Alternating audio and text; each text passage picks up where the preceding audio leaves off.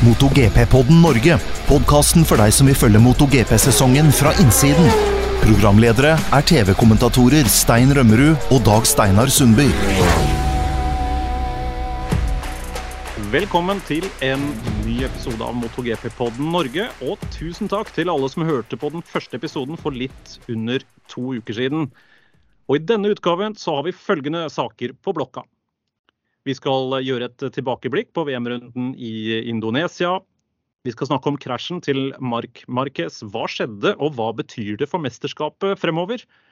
Det har kommet en regelendring om de såkalte ride height-devicene som vi skal være innom. Og til sist, før vi tar spørsmål fra dere lyttere, så skal vi selvsagt snakke om den neste VM-runden, Argentina Grand Prix.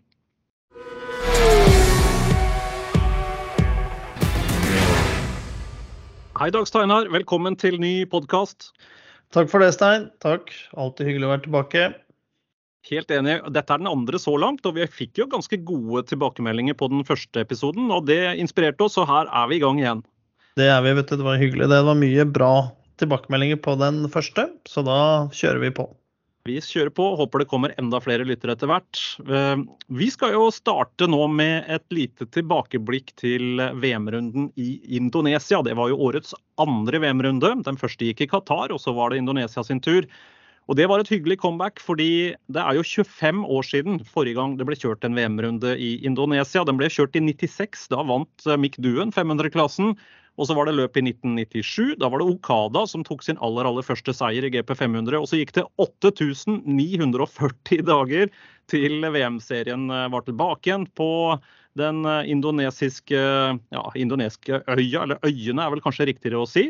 Og dermed så var det klart for Pertamina Grand Prix of Indonesia, som det heter eh, offisielt, på banen som heter Mandalika som ligger uh, ute på øya Lombok. Og det er jo en helt ny bane, Dag Steinar? Ja, helt, helt nybygd. Når vi var i um, Indonesia sist, så var det jo Centul som uh, det ble kjørt på. Så dette er et helt nytt anlegg. De kjørte World Superbike der i fjor. Og så har det vært mye konstruksjonsjobbing og det før MotoGP starta der. Vi hadde én test før vi skulle kjøre i gang med racet, og det um, det har vel vært litt så som så, vi kan vel si det med opplegget der. Det med mye skitt og støv på banen, bl.a. Ja, det var jo vanskelige forhold. Vi skal komme litt tilbake til det. Ehm, men Indonesia ser ut til å være veldig veldig viktig for eh, MotoGP-serien, og ikke minst for eh, motorsykkelprodusentene. For det er jo et stort marked. Det bor 273 millioner innbyggere der. Det er også over en kvart milliard mennesker. Og det er en uh, veldig god interesse rundt motorsykler der. Høy interesse. Og det var en enorm stemning på banen og uh, på tribunene rundt. Og ikke minst også uh, før løpshelga så var det jo en parade i hovedstaden Jakarta. Der man Førerne hadde først en lunsj sammen med presidenten, og så var det parade med MotoGP-sykler gjennom Jakarta by. De hadde stengt av gatene, og ganske mye morsomt som skjedde. Så bl.a. at Franco Morbidelli fikk prøve seg som eh, politimotorsyklist. Så han kjørte en eh, MC-politi. Og så var det parade gjennom gatene med litt burning og kjøring, og de endte opp på et stort hotell. Men det ble jo etter hvert da et eh, løp, og vi hadde jo en, en herlig helg. Men det begynte jo Dag Steinar, med veldig ekstreme forhold, egentlig. Det er høye temperaturer der.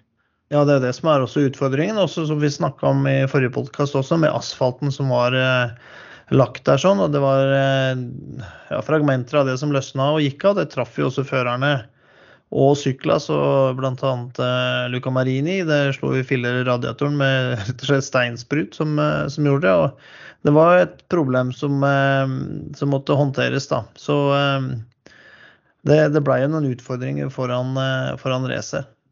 Men de valgte å asfaltere om, så det var jo ny asfalt fra siste sving og helt ut sektor 1. Nettopp for å bli kvitt det der steinsprutproblemet. Det ble jo litt bedre, men det viste seg utover i helga at uh, juryen begynte å bli litt i tvil om det her ville gå. Så de måtte jo til slutt faktisk ta en beslutning om å forkorte løpet for å være sikre på at ikke asfalten rett og slett gikk i oppløsning.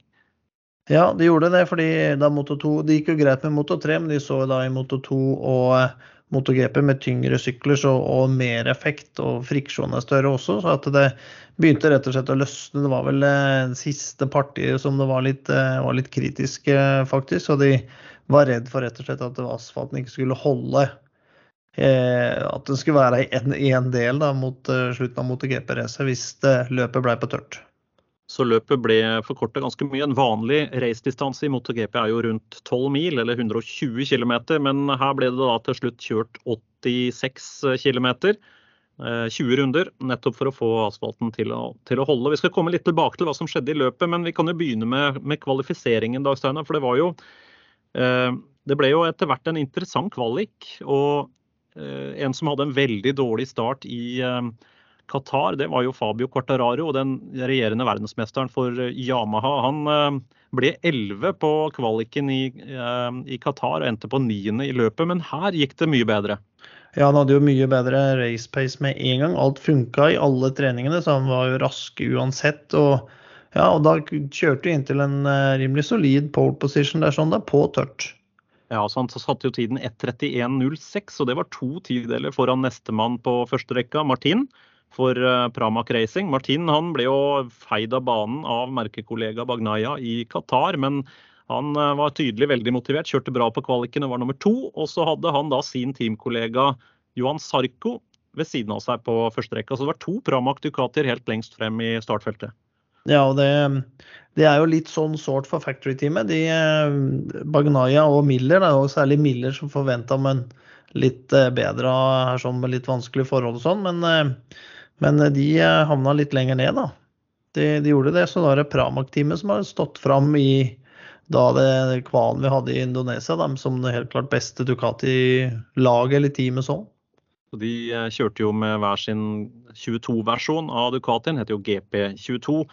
På andre rekka der fant vi en liten overraskelse på fjerde startposisjon. Det ble jo til slutt da fabrikkfører for KTM, Brad Binder. Den så ikke jeg helt komme, Dag Steinar. Han han, eh, ja, ja, han kjørte jo veldig bra i Qatar i løpet, da ble han nummer to. Men litt, eh, litt sånn eh, svak kvalifisering der. Han sto jo helt ned på tredje rekka, sjuende startposisjon. Men her klinka han til da, og kjørte seg lengst fram på andre rekka på kvaliken.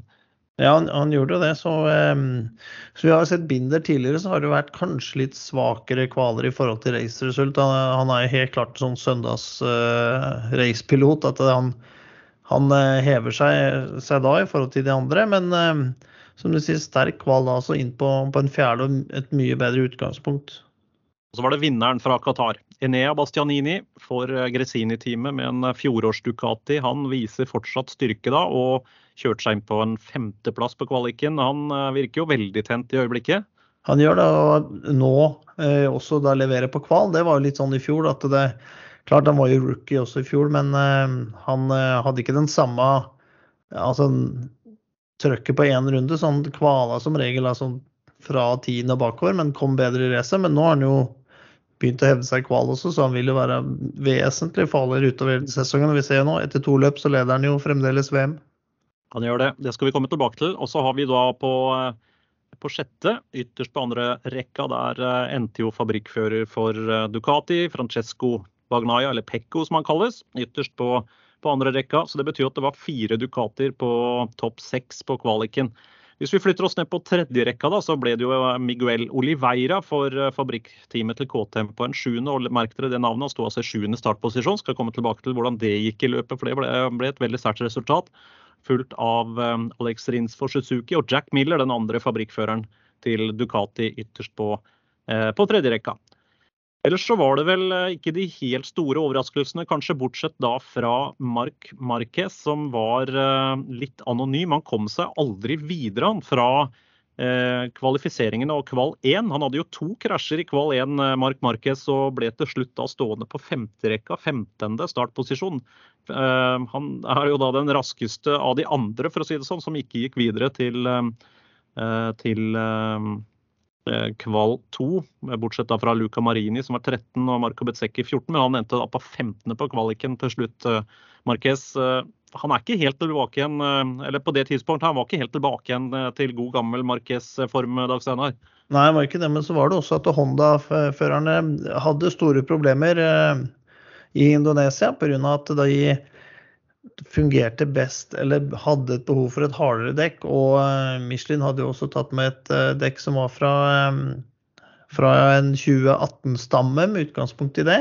Så Honda-fører hadde jo store problemer under kvalen og fikk ikke ting til å fungere. Vi så jo også Nakagami eh, kvala igjen helt sist, og Alex Marquez også langt ned. Så, eh, så det var eh, en tung eh, fri, Fritreningen og kvalen var veldig tungt for, eh, for Honda-førerne, og ingen av dem kom jo videre til kval 2. Nei, så Det var eh, et tegn på at Honda har litt utfordringer også med den nye raceren. Alle de fire Honda-førerne kjører med årets versjon av, eh, av Repsol Honda, eller av, av HRC Honda-raceren. Men det var på tørt, og kvaliken den eh, ble jo en interessant affære. Litt prega som sagt av høye temperaturer og vanskelige forhold. Men så var det racedag, og da bestemte løpsledelsen seg for at de måtte kutte i racedistansen. Før løpet så ble det kjørt en warm-up på morgenen, og der skjedde det jo noe helt spesielt. og Det skal vi komme litt mer tilbake til senere i sendinga, Men Mark mm. Marquez han eh, hadde jo en voldsom highsider. Det var krasj nummer fire for Marquez eh, den helga, og det gjorde jo at han eh, måtte stå over løpet til slutt. Vi skal komme tilbake igjen til, til de litt mer detaljer rundt den, den krasjen til Marquez, men det var en ganske brutal affære. Ja, det var veldig, veldig brutt. Jeg har ikke sett noe så ille på det jeg kan huske. Helt, vi må tilbake til 500-tida. Knapt nok var det så ille da også. Det en vold, var en voldsom krasj. Ja, jeg husker Lorenzo 2018 i Kina. Det var vel kanskje noe lignende. Men jeg har sett den krasjen til Marquez i veldig sakte film og fryse bildet og alt. og det, Den var også så høy, den highsideren. Jeg har regna ut at han var rundt 3,5 meter høy opp i lufta. Vi skal komme tilbake til um, litt mer om hva det betyr for både Marquez i tida fremover, og ikke minst mesterskapet. Resultatet av det i hvert fall var at han da ikke kunne stille til start. Men så gikk jo starten etter hvert eh, på vått på et forkorta løp med Quartararo i eh, pole, og han tok jo starten, Fabio Quartararo. Virker som han eh, trivdes bra på vått i Indonesia. Han kom seg veldig greit av gårde og tok jo teten og leda inn i, første sving. Ja, han gjorde jo det. Han var jo veldig veldig raskt og bra framme der, sånn, og selv om det ble en vanskelig, vanskelig oppkjøring for, for førere, de måtte jo vente en time ut ifra når de egentlig skulle starta racet, til det til slutt blei uh, mulig å starte. Det var jo veldig, veldig mye nedbør. Og uh, det ble også bedt til høyere makter for å få fjerna det, men uh, ja, det roa seg etter hvert. Det ble jo Ja, men da var det fortsatt vått? Ja, det var veldig vått, men det var jo ingen tvil om at det var da greit å, å, å starte da. Vi så jo også rundetidene de hadde under racet var jo ekstremt bra. Du har jo noe tall på det i forhold til mot tørt og vått eh, sånn. Ja, fordi på, altså Pole-tida satt i tørt av Quartararo. Den var jo på 1.31,06. Mens eh, løpets raskeste tid på vått var 1.38,7. Det var jo Fabio Quartararo som gjorde det på den 17. runden i løpet. og Det betyr at det bare var 7,7 sekunder forskjell på vått og tørt på raskeste runde på den banen her. Jeg regna litt på det. Det er rett i underkant av 8 Det er mye mindre enn vanlig. Det vi vanligvis ser, er jo rundt 12-13% i mm. forskjell på, på, den beste våte og den beste tørre tida på en, en VM-runde. Så det, det, er vel kanskje to ting vi kan lese ut av det. Da. Det ene er jo at det var vanskelige forhold på tørt der. Det var dårlig grep på tørt, men det virker som grepet på vått var uvanlig bra. Det så vi vel også litt under World Superbike-runden i fjor med, eh, med topprak for Yamaha. der Han, han bremsa ja. så hardt på vått at han hadde liksom stopp i. Han løfta bakhjulet i innbremsingen. og Det ser man jo ikke så ofte på vått. Nei, det er svært sjelden. Så er jo også topprakk en veldig spesiell fører. Så, men det viser hvor bra grep det er. Så ja. um, det er i hvert fall utrolig bra på den banen. Men så var det en annen fyr da, som kjørte veldig veldig bra i starten. her, og Det var jo nettopp um, Oliveira. Han sto som sagt på tredje rekka, sjuende startposisjon. Han hadde jo en knallstart. Han kjørte seg helt opp i rygg på Quartararo inn i egentlig sektor 1. Ja, han eh, kom veldig bra av, eh, av griden der sånn, og kryssa over og kom på, på inneren av de andre. og ja, la seg bak Quartararo inn i første sving. og så um, og så blei det jo virkelig bra med pushing etter hvert. Han eh, kom seg forbi Quartararo og hadde en imponerende tempo der. Var vel den føreren som klarte også å knekke koden med en gang, hvor bra grepet var.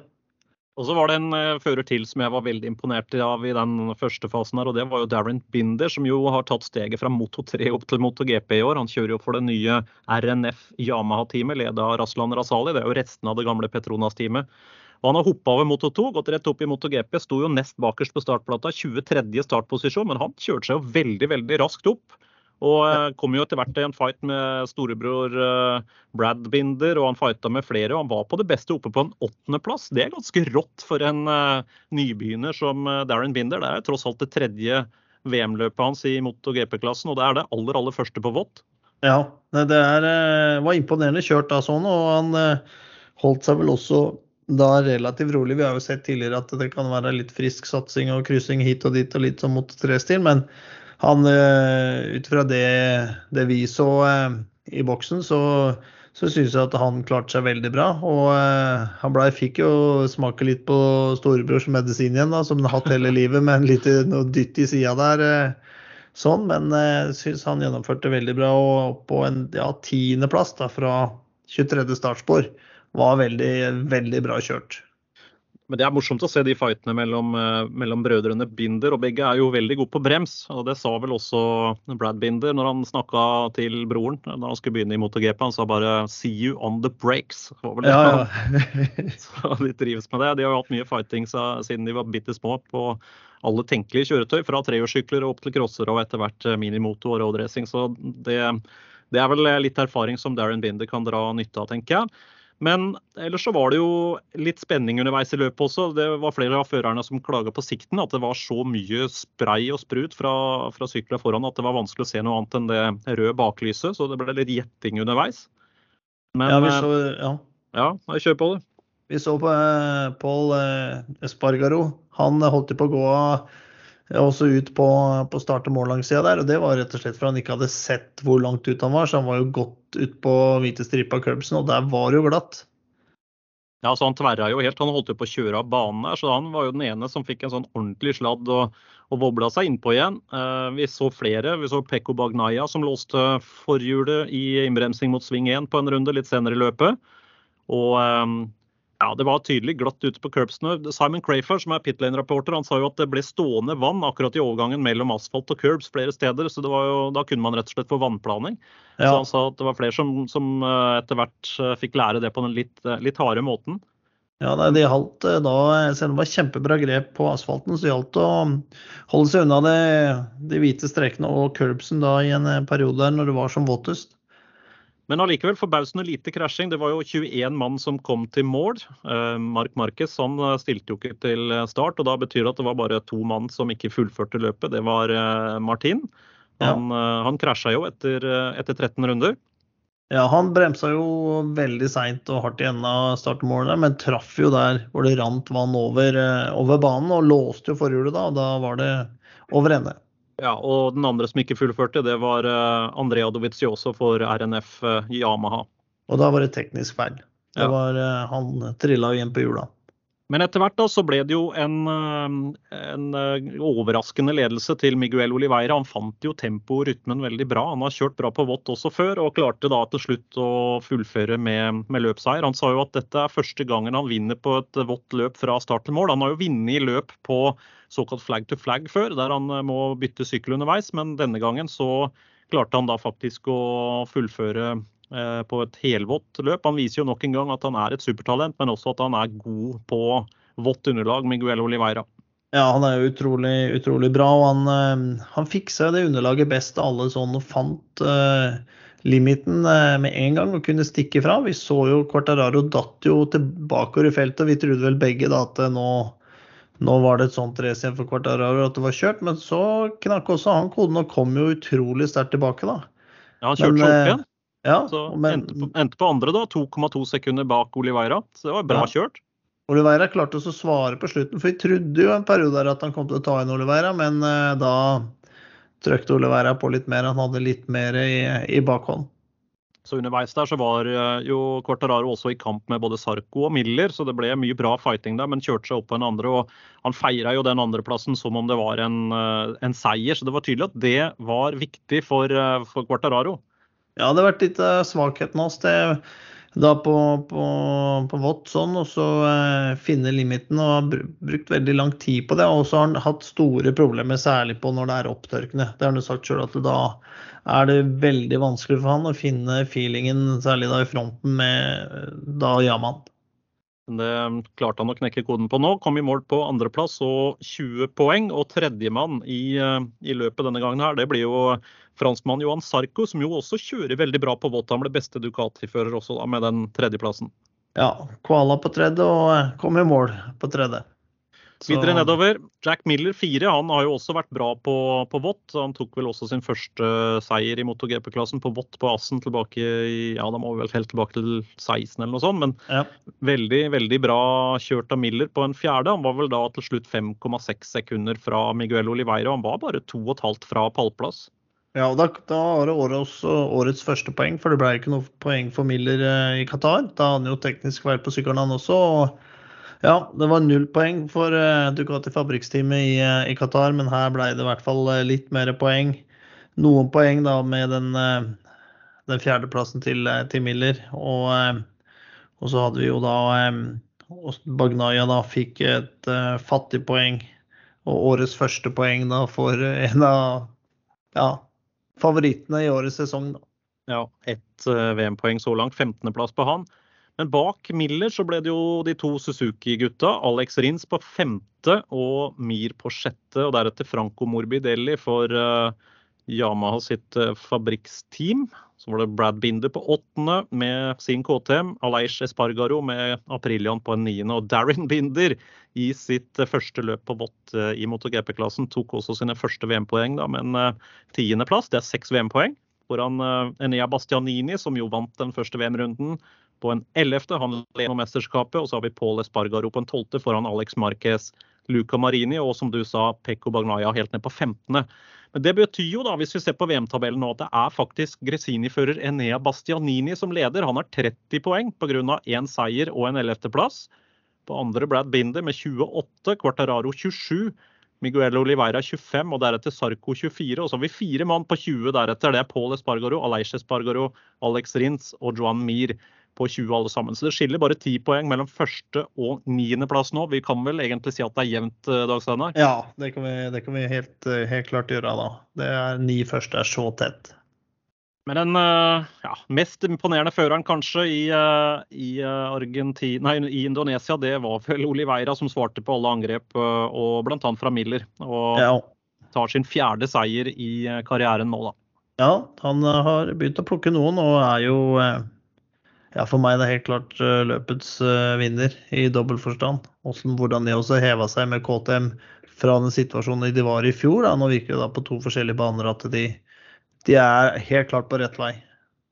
Ja, så det var din uh, løpets vinner, eller den som kanskje imponerte mest. Og hvis jeg skal velge en, så må det vel kanskje bli Fabio Quartararo, da, som er tilbake igjen etter å ha vært så i kjelleren i Qatar. Han klaga jo veldig på 22-modellen av av Yamahas fabrikkrace. Men nå er han tilbake igjen, i hvert fall på, på vått, og tar andreplassen her. Men det er vel mye som tyder på at uh, vi fortsatt har de samme underliggende problemene. Nå, nå, var det ikke så mye bruk for toppspeed eh, på den våte banen i Indonesia, men det er vel mye som tyder på at Yamaha fortsatt har, vil måtte slite litt på de aller raskeste banene utover eh, året i år. Nå er jo motorene låst. Det er jo de motorene de har nå som, som vil gjelde. Ja, det er, det er, helt klart, eh, som du sier, at det er, eh, er et problem kanskje, kanskje, for Quartararo da, med, med, den motoreffekten på de banene hvor det er litt mer stop and go og hardere akselerasjon. Mer flow på Indonesia-banen, hvor de kan holde kurvehastigheten oppe og eh, tjene på den chassis som Yama har. Og, men når det er litt mer stop and go-baner, så er jo klart han kommer til å være i i problemer eh, på flere baner nå i løpet av sesongen.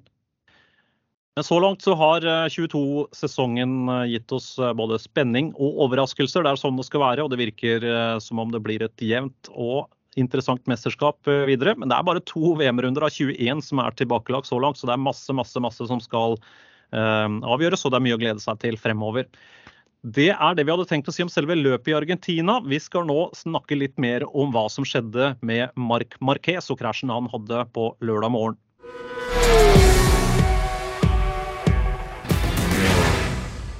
Warm-upen i Indonesia den eh, ble mer dramatisk enn vanlig for Mark Marquez. Han eh, skulle pushe på tørt underlag, men eh, han fikk jo da en voldsom highsider under warm-upen der på inngangen mot sving 7. Hva slags krasj var det der egentlig, Dag Steinar?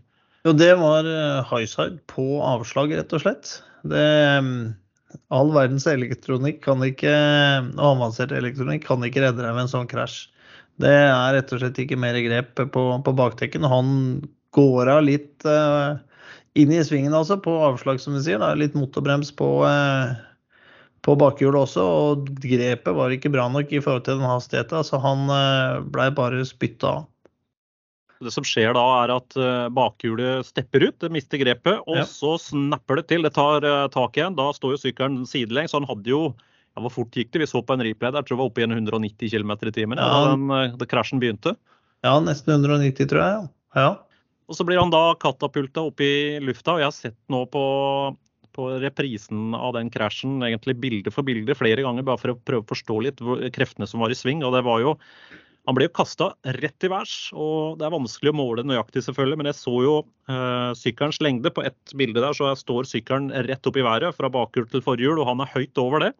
Og Hvis vi da regner at lengden fra forkanten av forhjulet til bakkanten av bakhjulet på en MotoGP-racer sier at den er en, ja, hva skal vi si, en, rett under to meter, kanskje. Ja. Eh, Akselavstanden er vel rundt eh, ja, 1,4, så litt, eh, litt ja, rundt, rundt to meter. Og da var han i hvert fall én meter over det. Og da hadde også sykkelen en halvmeter ned til bakken, veldig grovt estimert. Så jeg tror rundt 3,5 meter på det høyeste i 180 km i timen. Det blir jo et kraftig sammenstøt når han da eh, lander igjen. Ja, det ble veldig, veldig, veldig hardt sammenstøt. Vi så jo han sto jo lenge på knærne der, så nå eh, fikk samla seg igjen. Og heldigvis så traff ikke sykkelen eller han hverandre. Sånn som Nei. han var uheldig med på i Jerez når armen hans gikk. Så eh, det var utrolig bra at det ikke ble noe eh, sammenstøt mellom det der. Og vi så jo han reiste seg opp og, og gikk der, men eh, jeg var jo bekymra for at han skulle besvime igjen. Han sjangla jo ganske bra rundt i sandfella der sånn, så eh, Men han holdt seg på beina, heldigvis.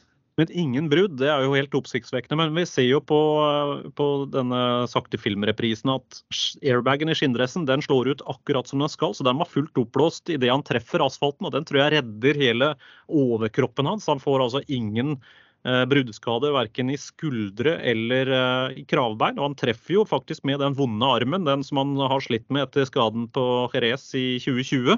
Det er jo mm. den som treffer bakken først, og han slår ikke opp igjen skulderskaden sin etter det vi har hørt, og heller ikke slått opp igjen overarmen. Men vi så at uh, han får et ganske kraftig støt mot hjelmen, og det var jo etter hvert det som ble problemet også. For hva skjedde etter krasjen, Dag Steinar? Jo, nei, men det, Marquez han uh, var selvfølgelig på, på legestua på banen og ble etter det flydd til um, til eh, lokale sykehuset for sjekk. Han var jo der på overvåking også i eh, var det nesten 24 timer. Og Det så jo greit ut, klart veldig forslått, men det var jo på flyturen hjem at de problemene begynte å oppstå. At han igjen fikk det her dobbeltsynet som han har hatt nå to ganger. Først 2011, og så i høst når han eh, krasja med, med crosseren.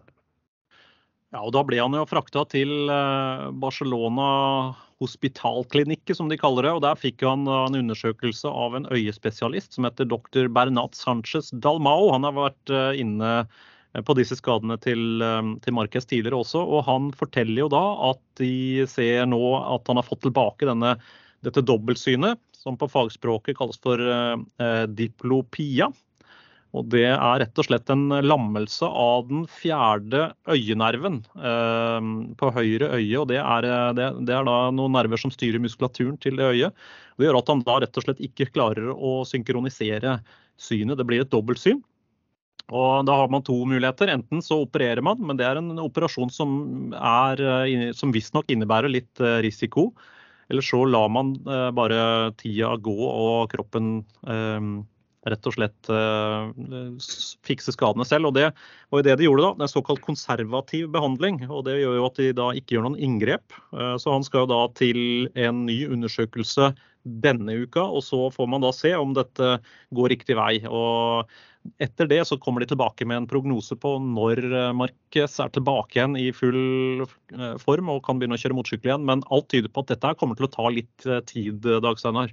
Ja, de har jo sagt at de vi får se og vente hvem som kommer til å starte til helga, men jeg er ganske sikker på at vi ikke får se Mark Marquez på, på startgrinden til helga i, i, Argentina.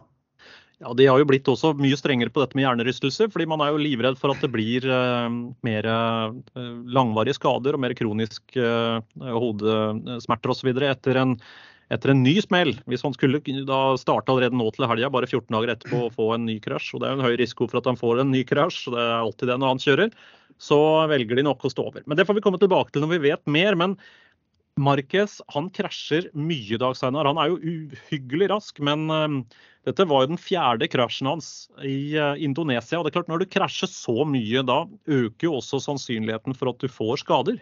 Jo, det gjør det helt klart. Og han er jo en fører som alltid har vært og kjørt helt på limiten over og vært eh, ja, Vi har jo kalt den Supermann og kattemyk og alt det der. Han har jo krasja mye, men alltid stort sett reist seg. Men vi har sett over gjennom de siste sesongene, så har det jo da også før han tok armen på Jerez, så har det jo vært eh, operasjoner i skuldre og sånne ting. Det har jo liksom begynt å komme litt mer og mer. og og da etter den store skaden da han hadde i 2020 og brukt lang tid på å komme tilbake. Og, eh, og da når nå så kommer tilbake, så er sykkelen annerledes enn det, det han var vant til. Og sykkelen var bygd litt rundt hvordan han kunne bare kjøre den rundt på litt muskel og sinnssykt rå kjøring. Nå har han kanskje ikke helt den samme styrken til å gjøre det nå pga. den skaden i armen og sånn. Han sliter jo fremdeles med det. Men, eh, og sykkelen har blitt eh, gjort om også til eh, ja, den er jo radikalt ny til Honda-væra. Og dette har ikke passa han helt. Men så, vi veit jo Marquez, han pusher. Han skal, må finne grensene, og da blir det mye krasj. Og Det må han rett og slett begynne å begrense litt mer, ellers så kan dette her fort bli karriere Eh. Han eh, har jo så høy risiko når han, eh, når han, kjører. Hvis vi går litt tilbake til akkurat denne krasjen, Dag Steiner. Det var jo en, en høyfarts highsider på avslag, som du sa, på vei inn i sving 7. En høyfarts høyresving. Eh, Michelin fikk jo litt kritikk av en del førere her for at de hadde tatt med noen dekk som eh, var et sikkert valg med tanke på å unngå overoppheting. De hadde jo kjørt en test der tidligere og så jo asfalttemperaturer på over 60 grader. og Michelin begynte å bli litt redde for at det kunne bli problemer med dekka. At stammen da ville eh, ja, ha problemer med å håndtere de ekstreme forholdene. og Derfor valgte de en dekkstamme som vi ikke har sett siden 2018. Egentlig en gammel konstruksjon. Ja, det er nettopp det. For det var jo eh, når Michelin også kom inn i MotoGP og tok over et eh, Bridgestone til å være enhetsleverandør, så i starten hadde de jo også litt problemer da med litt i tyngre føra, skottredning, Redning, Petrucci og sånne ting, som eh, dekka ble overoppheta og så delaminerte seg. Det betyr at gummideler av, av dekket bare detter av, forsvinner. og det hadde jo med høy temperatur å gjøre, så de prøvde å justere seg inn på det, som de også har klart veldig bra. men nå, da, som du sier, med temperaturer fra 60 nesten opp mot 70 grader i asfalten, så det er jo et, et sikkerhetsspørsmål. Så Michelin da tok med en konstruksjon de vet virker i ekstremt høye temperaturer, for at dekket skulle holde. Men da samtidig så blei eh, grepet antageligvis altfor dårlig i forhold til det MotoGP-føreren er vant til å, å ha. Uansett en veldig kjedelig episode for eh, Mark Marquez. Vi er glad for at han eh, ikke fikk noen eh, av de gamle bruddskadene opp igjen. Og så får vi virkelig håpe at han er straks tilbake igjen og i toppslag. Fordi vi trenger en rask Mark Marquez også i, denne, i dette mesterskapet.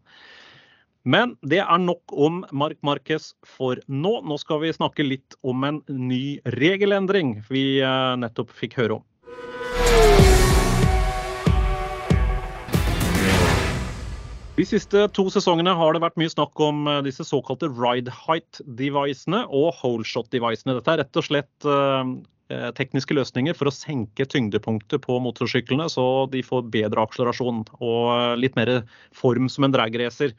Og Siste nytt der Dag Steinar, det er at det nå blir forbudt med høydejustering av fronten underveis i, i løp, altså mens motorsykkelen er i bevegelse. Er, vi har jo sett Ducati har gjort noen tester i løpet av vinteren, og vi så vel også denne nye løsningen så vidt i Qatar. Um, og nå blir det da sånn at det kun er lov med engangsbruk av ride-out device. Den kan også aktiviseres når sykkelen står i ro, så det betyr jo i praksis uh, til hjelp i starten. Men fra 2023 så er det ikke lov under kjøring.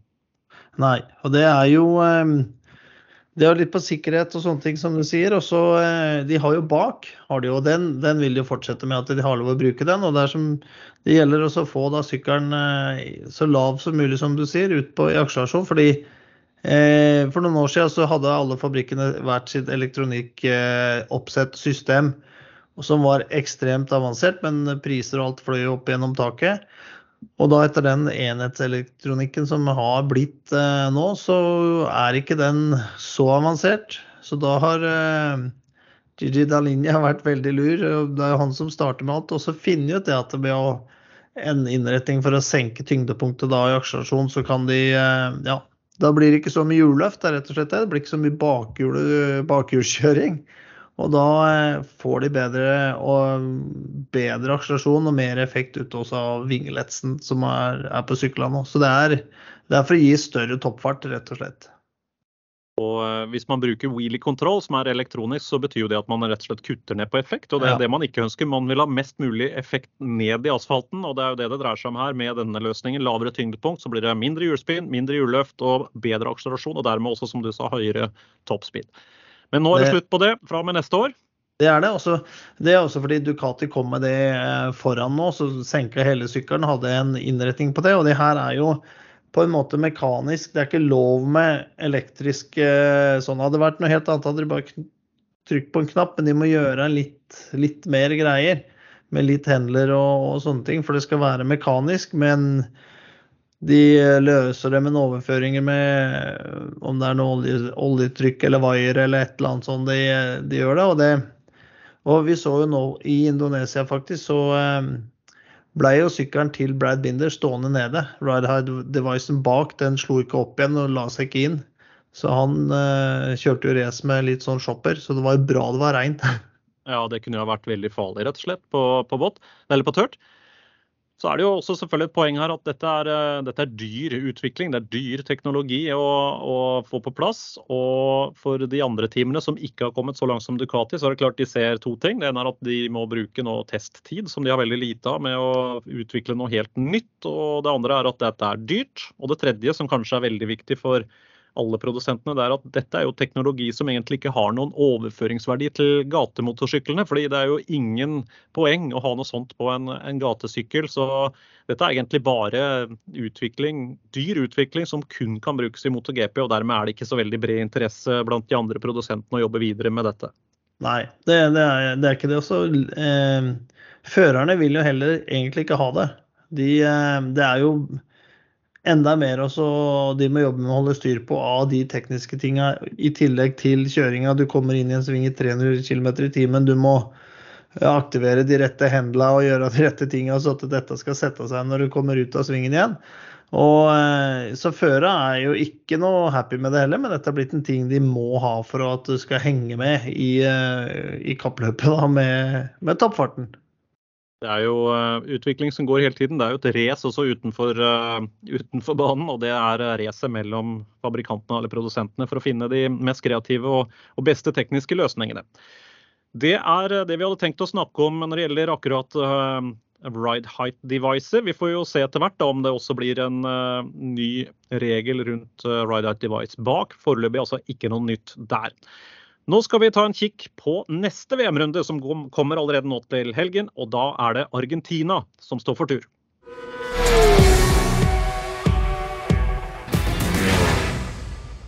Den kommende helgen er det duket for årets tredje VM-runde. Den skal kjøres på banen Termas de Rio Hondo i Argentina i Sør-Amerika.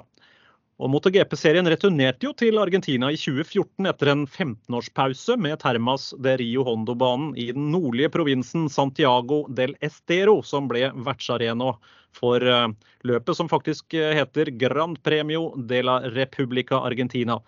Det er et løp som tidligere har blitt arrangert i Buenos Aires.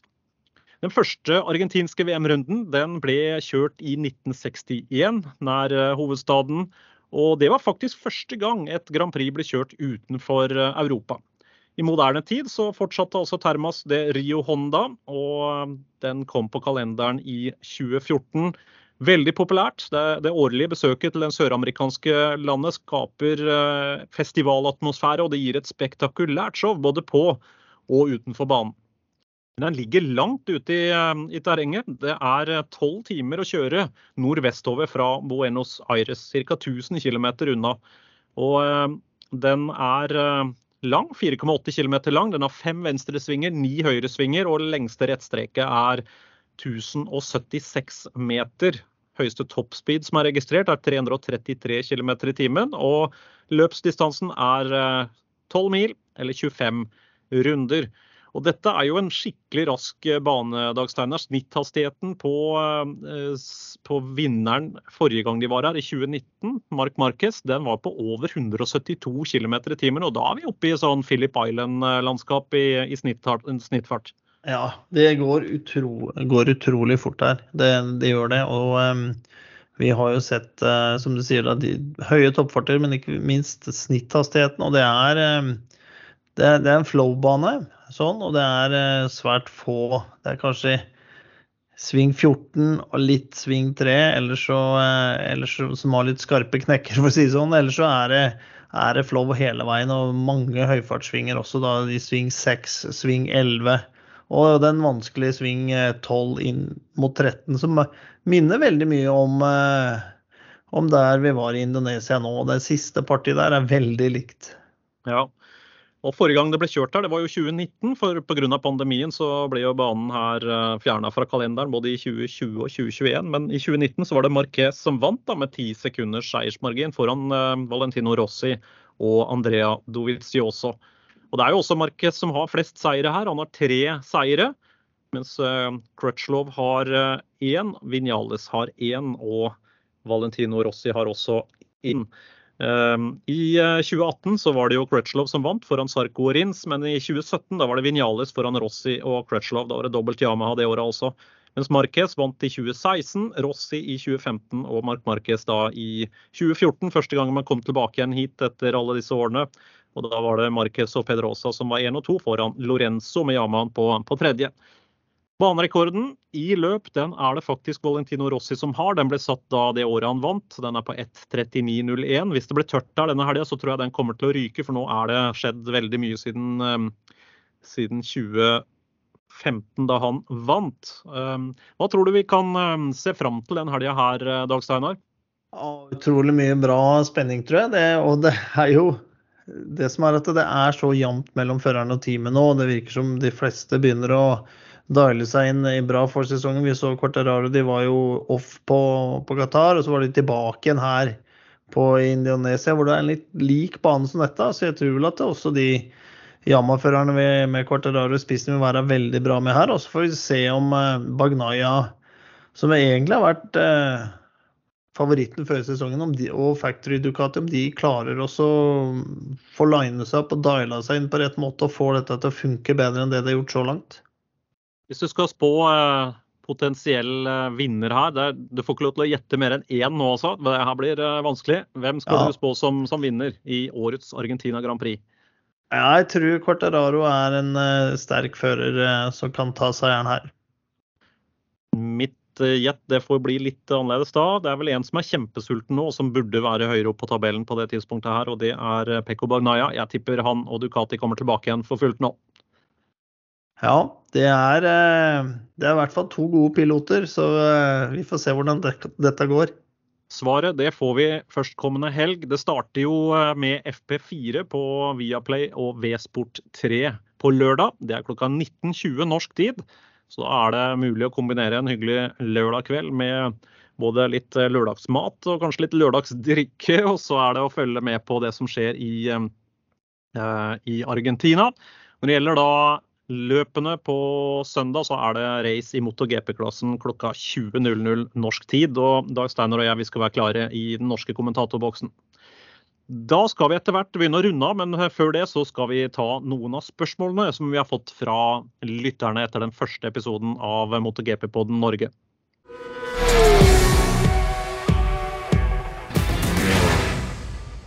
Det har kommet noen spørsmål inn på stein at motogp.no, og det er eh, førstemann ut i dag. Frank Hagen han spør om vi kan ta litt mer om det tekniske på syklene. Og Dag Steinar, dette her er jo rene prototypesykler. De får man ikke kjøpt eh, noe makent eh, til. Og de er kun konstruert for å gå i MotoGP. Og motorene her, det er 1000 kubikkere som gjelder. Det, det, er det. Og det er jo, kan du si man kan sammenligne dem rett med en Formel 1-bil, bare på to hjul. Det er akkurat det samme. Det er helt prototype. Det er eh, kun, som du sier, det er lagd for å gå fortest mulig rundt en bane. Og eh, motorene er alle er firesylindere, og alle eh, Eller ikke alle, det er to rekkefire. Det er Suzuki og Yama som har det, og de andre har V4-motorer. Forskjellig vinklingsgrad mellom sylindere på de V4-motorene. Der har fabrikanten gjort litt grann forskjellig. Sånn, så, ehm, og i utgangspunktet så går det for at de V4-motorene som er sånn at de er de sterkeste, og si, hvor man får ut mest effekt og er raskest rett fram, stort sett. Hvor uh, høy effekt snakker vi om? Nei, Nå er det jo snakk om at uh, Ducatiene har uh, borti 300 hester, faktisk på høyeste toppspeed vi har sett er jo over 360 km i timen. Vekta 157 kg for sykkelen, og det er jo enhetsdekk da. Det er Michelin som gjelder, alle sammen. Det er på 17 toms felger. Og vi har i tillegg til det enhetselektronikk fra italienske Magneti Marelli. Og som tidligere nevnt da, det er eh, prototyper chassis. Litt forskjellige konstruksjoner der, men stort sett da aluminiumskonstruksjoner med karboninnsett for noen av produsentene. Det er karbonkeramiske bremser, og ellers da eh, bare eksklusive og heftige, deilige løsninger. Og vi har jo vært uh, mange ganger i MotoGP-depot, og det å stå og se på detaljene på de syklene her, det er, det er, dette er håndverk. Dette er rene det. kunstverk. Ja, det er kunstverk på to hjul, og det blir fort seint på kvelden da, når de står ute og uh, varmer opp de syklene. Så gå og ta en titt på, på alt som er. Eh, og ja, som du sier, alt er jo karbon, titan, magnesium. Det det beste og mest effektive. Her er det bare snakk om ytelse. Og eh, ja, de legger jo inn en fin design på noe også, men i hovedsak det går på ytelse og det som virker. Så har vi fått en eh, mail fra en annen lytter, som er Camilla Wright Larsen. Hun har eh, fire forskjellige spørsmål. Vi kan ta det første først. Har jenter mulighet til å kjøre? Og hvordan er prosessen for å bli fører i MotoGP? Kan en norsk ung fører ha noen mulighet? Må man flytte til Spania, Frankrike eller Italia? Og hvorfor er det utelukkende gutter som kjører? Mange spørsmål rundt det. Men Dag Steiner, det har jo vært en del kvinnelige førere opp gjennom åra. Og eh, Anna Carasco er jo den eneste kvinnelige føreren akkurat nå. Men ja, hun har jo vunnet, hun har vunnet VM, hun, i 300-klassen eh, eh, som heter ja, hva heter Supersport. World, World Supersport 300. Ja. Så, så, helt klart ja. Det, det, er det. Vi har også Herrera som kjører vel i Moto E. Eh, hun har også kjørt Moto 3. Anna Carasco er tilbake i Moto 3 i eh, GP-sirkuset. Og vi har hatt eh, flere, flere jenter opp igjennom åra også som har kjørt. da, Men stort sett så har de da kjørt i de, de mindre klassene. Vi har hatt ja, I Tyskland også så har vi hatt noen som har kjørt superbike, kjørt bra. Tatja Poensken kjørte jo for ja. Suzuki. Ja. Hun var vel også inne og kjørte så vidt eh, i 250-klassen i GP også. Kjørte 250, så, så det, er helt, det, er helt, klart mulig også for, eh, for jenter å, å, kjøre. Det, det er ingen, uh, ingen, begrensninger der sånn. Eh, veien å gå er jo Første veien å gå, det er jo, kan du si, det stort sett så må man jo, må jo starte litt tidligere enn når man er 18. Så stort sett, hvis den skal prøve med en karriere som går helt ut på det internasjonale. For også i Norge så kan man begynne å kjøre minimotos og, og, den delen. Eh, og det kjøres flere steder i, i Norge. Og så er det å eh, prøve seg da etter hvert på litt, litt, større sykler, sånn som eh, ja, Moto 3-sykler er jo kanskje litt eh, Det er ikke noe klasse det i Norge, men 300 og 400 kubikks eh, supersport eller superstokk er jo alle muligheter til. Og så er det jo da en ny cup i Nord-Europa, Northern Europe Talent Cup. Der har vi ikke sett noen uh, norske førere enda, men det er jo for unge up and coming stjerner. Uh, 14-15-åringer. Ja, og det, det, er jo sånn Hvis man har ambisjoner om å, om å liksom kjøre i VM, så gjelder de samme Ja, da må man ha de samme ambisjonene og arbeidsmoralen som man må ha i uansett hvilken annen idrett for å komme seg til topps hvis man virkelig vil i verdenstoppen. Så uh, så jeg syns det er rart at vi ikke har sett flere nordiske førere som har søkt seg til eh, denne, denne Northern Europe-cupen. Så har vi et spørsmål til fra Camilla, og det er del gjerne den rareste og mest interessante statistikken dere sitter på. Det er gøy, sier hun, og det er jeg enig i. Statistikk er gøy, og det er så masse data man kan eh, lese seg opp på. Um, Dag Steinar, du sa før sending at den der skulle jeg ta, så jeg får kaste meg på, da. Det er jo så du er, mye Du er jo mister statistikk her. Nei, det, er, mye moro å, å gripe, gripe, tak i. Men en sånn fun fact som jeg syns er litt morsomt, det er at vi har faktisk hatt en verdensmester som har hatt norsk pass. Det er det mange som ikke vet. Men det var i 1980. Han kjørte en Bimota, og det var 350-klassen eh, den gangen, for da var det jo mange flere klasser. Han vant VM i 350. Han kjørte på sørafrikansk uh, lisens, og han het eh, John Eckerol. Eller Jon Ekerol, som vi kanskje ville ha sagt på norsk. Og han hadde både sørafrikansk og norsk pass, og det syns jeg er gøy. Det er vel det nærmeste vi kommer en norsk verdensmester i um, noen Grand Prix-klasse. Ja, enn så lenge. Enn så lenge. Kanskje det kommer noen flere. Og Det bringer meg til neste spørsmål, og det er eh, fra Camilla det også. Er det noen nordmenn som jobber i MotoGP-sirkuset nå rundt noen av førerne, og hva er veien til et uh, team for uh, personell? Enten man er utøver eller, eller eventuelt en mekaniker eller hjelpeperson. og der, Det er jo ikke så veldig mange nordmenn der, Dag Steinar. Vi vet jo om en del svensker som vi kjenner godt i ja. GP-serien, men det er én i Yamas factory team som faktisk bor eh, like ved Lillehammer, på Gausdal. Ja, det er eh, han John Norda, men han er, eh, han er, fra Holland. Men har bosatt seg i Norge. Så, eh, og han har vi prata mye med når vi har vært eh, på, på MotoGP-raca. Så han er er, er vel altmuligmann i Yama-teamet. Kjører traileren og fikser rigger og ordner alt, så Mye med samband og sånne ja. ting å gjøre også. Har alltid interessante eh, bakgrunnshistorier om hva som rører seg i Yamaha-leiren. En veldig veldig hyggelig kar. Og så har vi jo selvfølgelig Dennis Unchen, som kjører i Moto 3. Han er jo eh, norsk-tyrkisk. Han har både tyrkisk og norsk pass. Han er født i Oslo, har norsk mor. Så eh, det er vel kanskje det nærmeste vi kommer en norsk utøver akkurat nå da, i denne sporten. Mm. Siste Men, spørsmål vi skal ta med fra Camilla, det er hva er favorittbanen deres å være tilskuer på? Er det noen baner som er vanskeligere å reise til og bevege seg på for, eh, for, for tilreisende tilskuere? Eh, hva er din favorittbane som tilskuer, eh, Dag Steinar? Ja, det er vel ikke noe sånn stor hemmelighet at det er Mugello.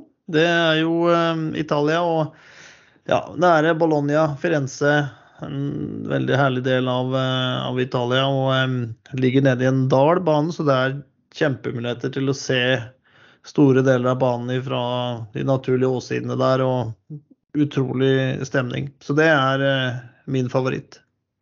Ja, og din, Stein? Ja, Det er vanskelig å være uenig i det. da. Vi har jo vært på sending der uh, fra Mugello. Men en bane som mange ikke tenker på så mye som tilskuerbane, det er eh, Østerrike og Red Bull Ring. Den har faktisk vunnet årets arrangør og også årets tilskuerbane flere ganger. Og de som har vært der, som jeg kjenner som tilskuere, de skryter veldig av det, den opplevelsen. Både den vakre alpelandskapet, bra racing, men også fantastiske fasiliteter for tilskuerne. Så jeg får vel heller si Østerrike Grand Prix, jeg, da. Ja, da har vi en ny en å, eh, å ta med der. Hun hadde jo et spørsmål til i det spørsmålet, og det er hva, uh, hva er, uh, er det noen baner som er vanskeligere å reise til og bevege seg på for tilreisende tilskuere? Det er vanskelig å si. Jeg syns jo det er veldig tilgjengelig i MotoGP sammenligna med f.eks. Formel 1. Jeg har jo vært på Formel 1-løp som tilskuer også, og uh, MotoGP er nok lettere tilgjengelig for de aller, aller fleste. Men jeg opplever ikke at det er noen baner som, som skiller seg ut som ekstra vanskelige sånn sett. Det var vel det vi hadde denne gangen. Vi er jo da tilbake mellom Argentina Grand Prix og USA Grand Prix. Da skal vi ha en liten overraskelse til dere, fordi det kommer en ny sidekommentator under USA Grand Prix. Og vedkommende skal vi presentere for dere i neste podkast. Så kan dere gå rundt og tenke og lure litt på hvem det kan være. Men eh, inntil da så har jeg bare lyst til å si takk for at dere lytta. Hvis dere har eh, spørsmål eller innspill til denne podkasten, så send det på mail til stein at motogp.no. Takk for nå, Dag Steinar. Jo, takk for nå.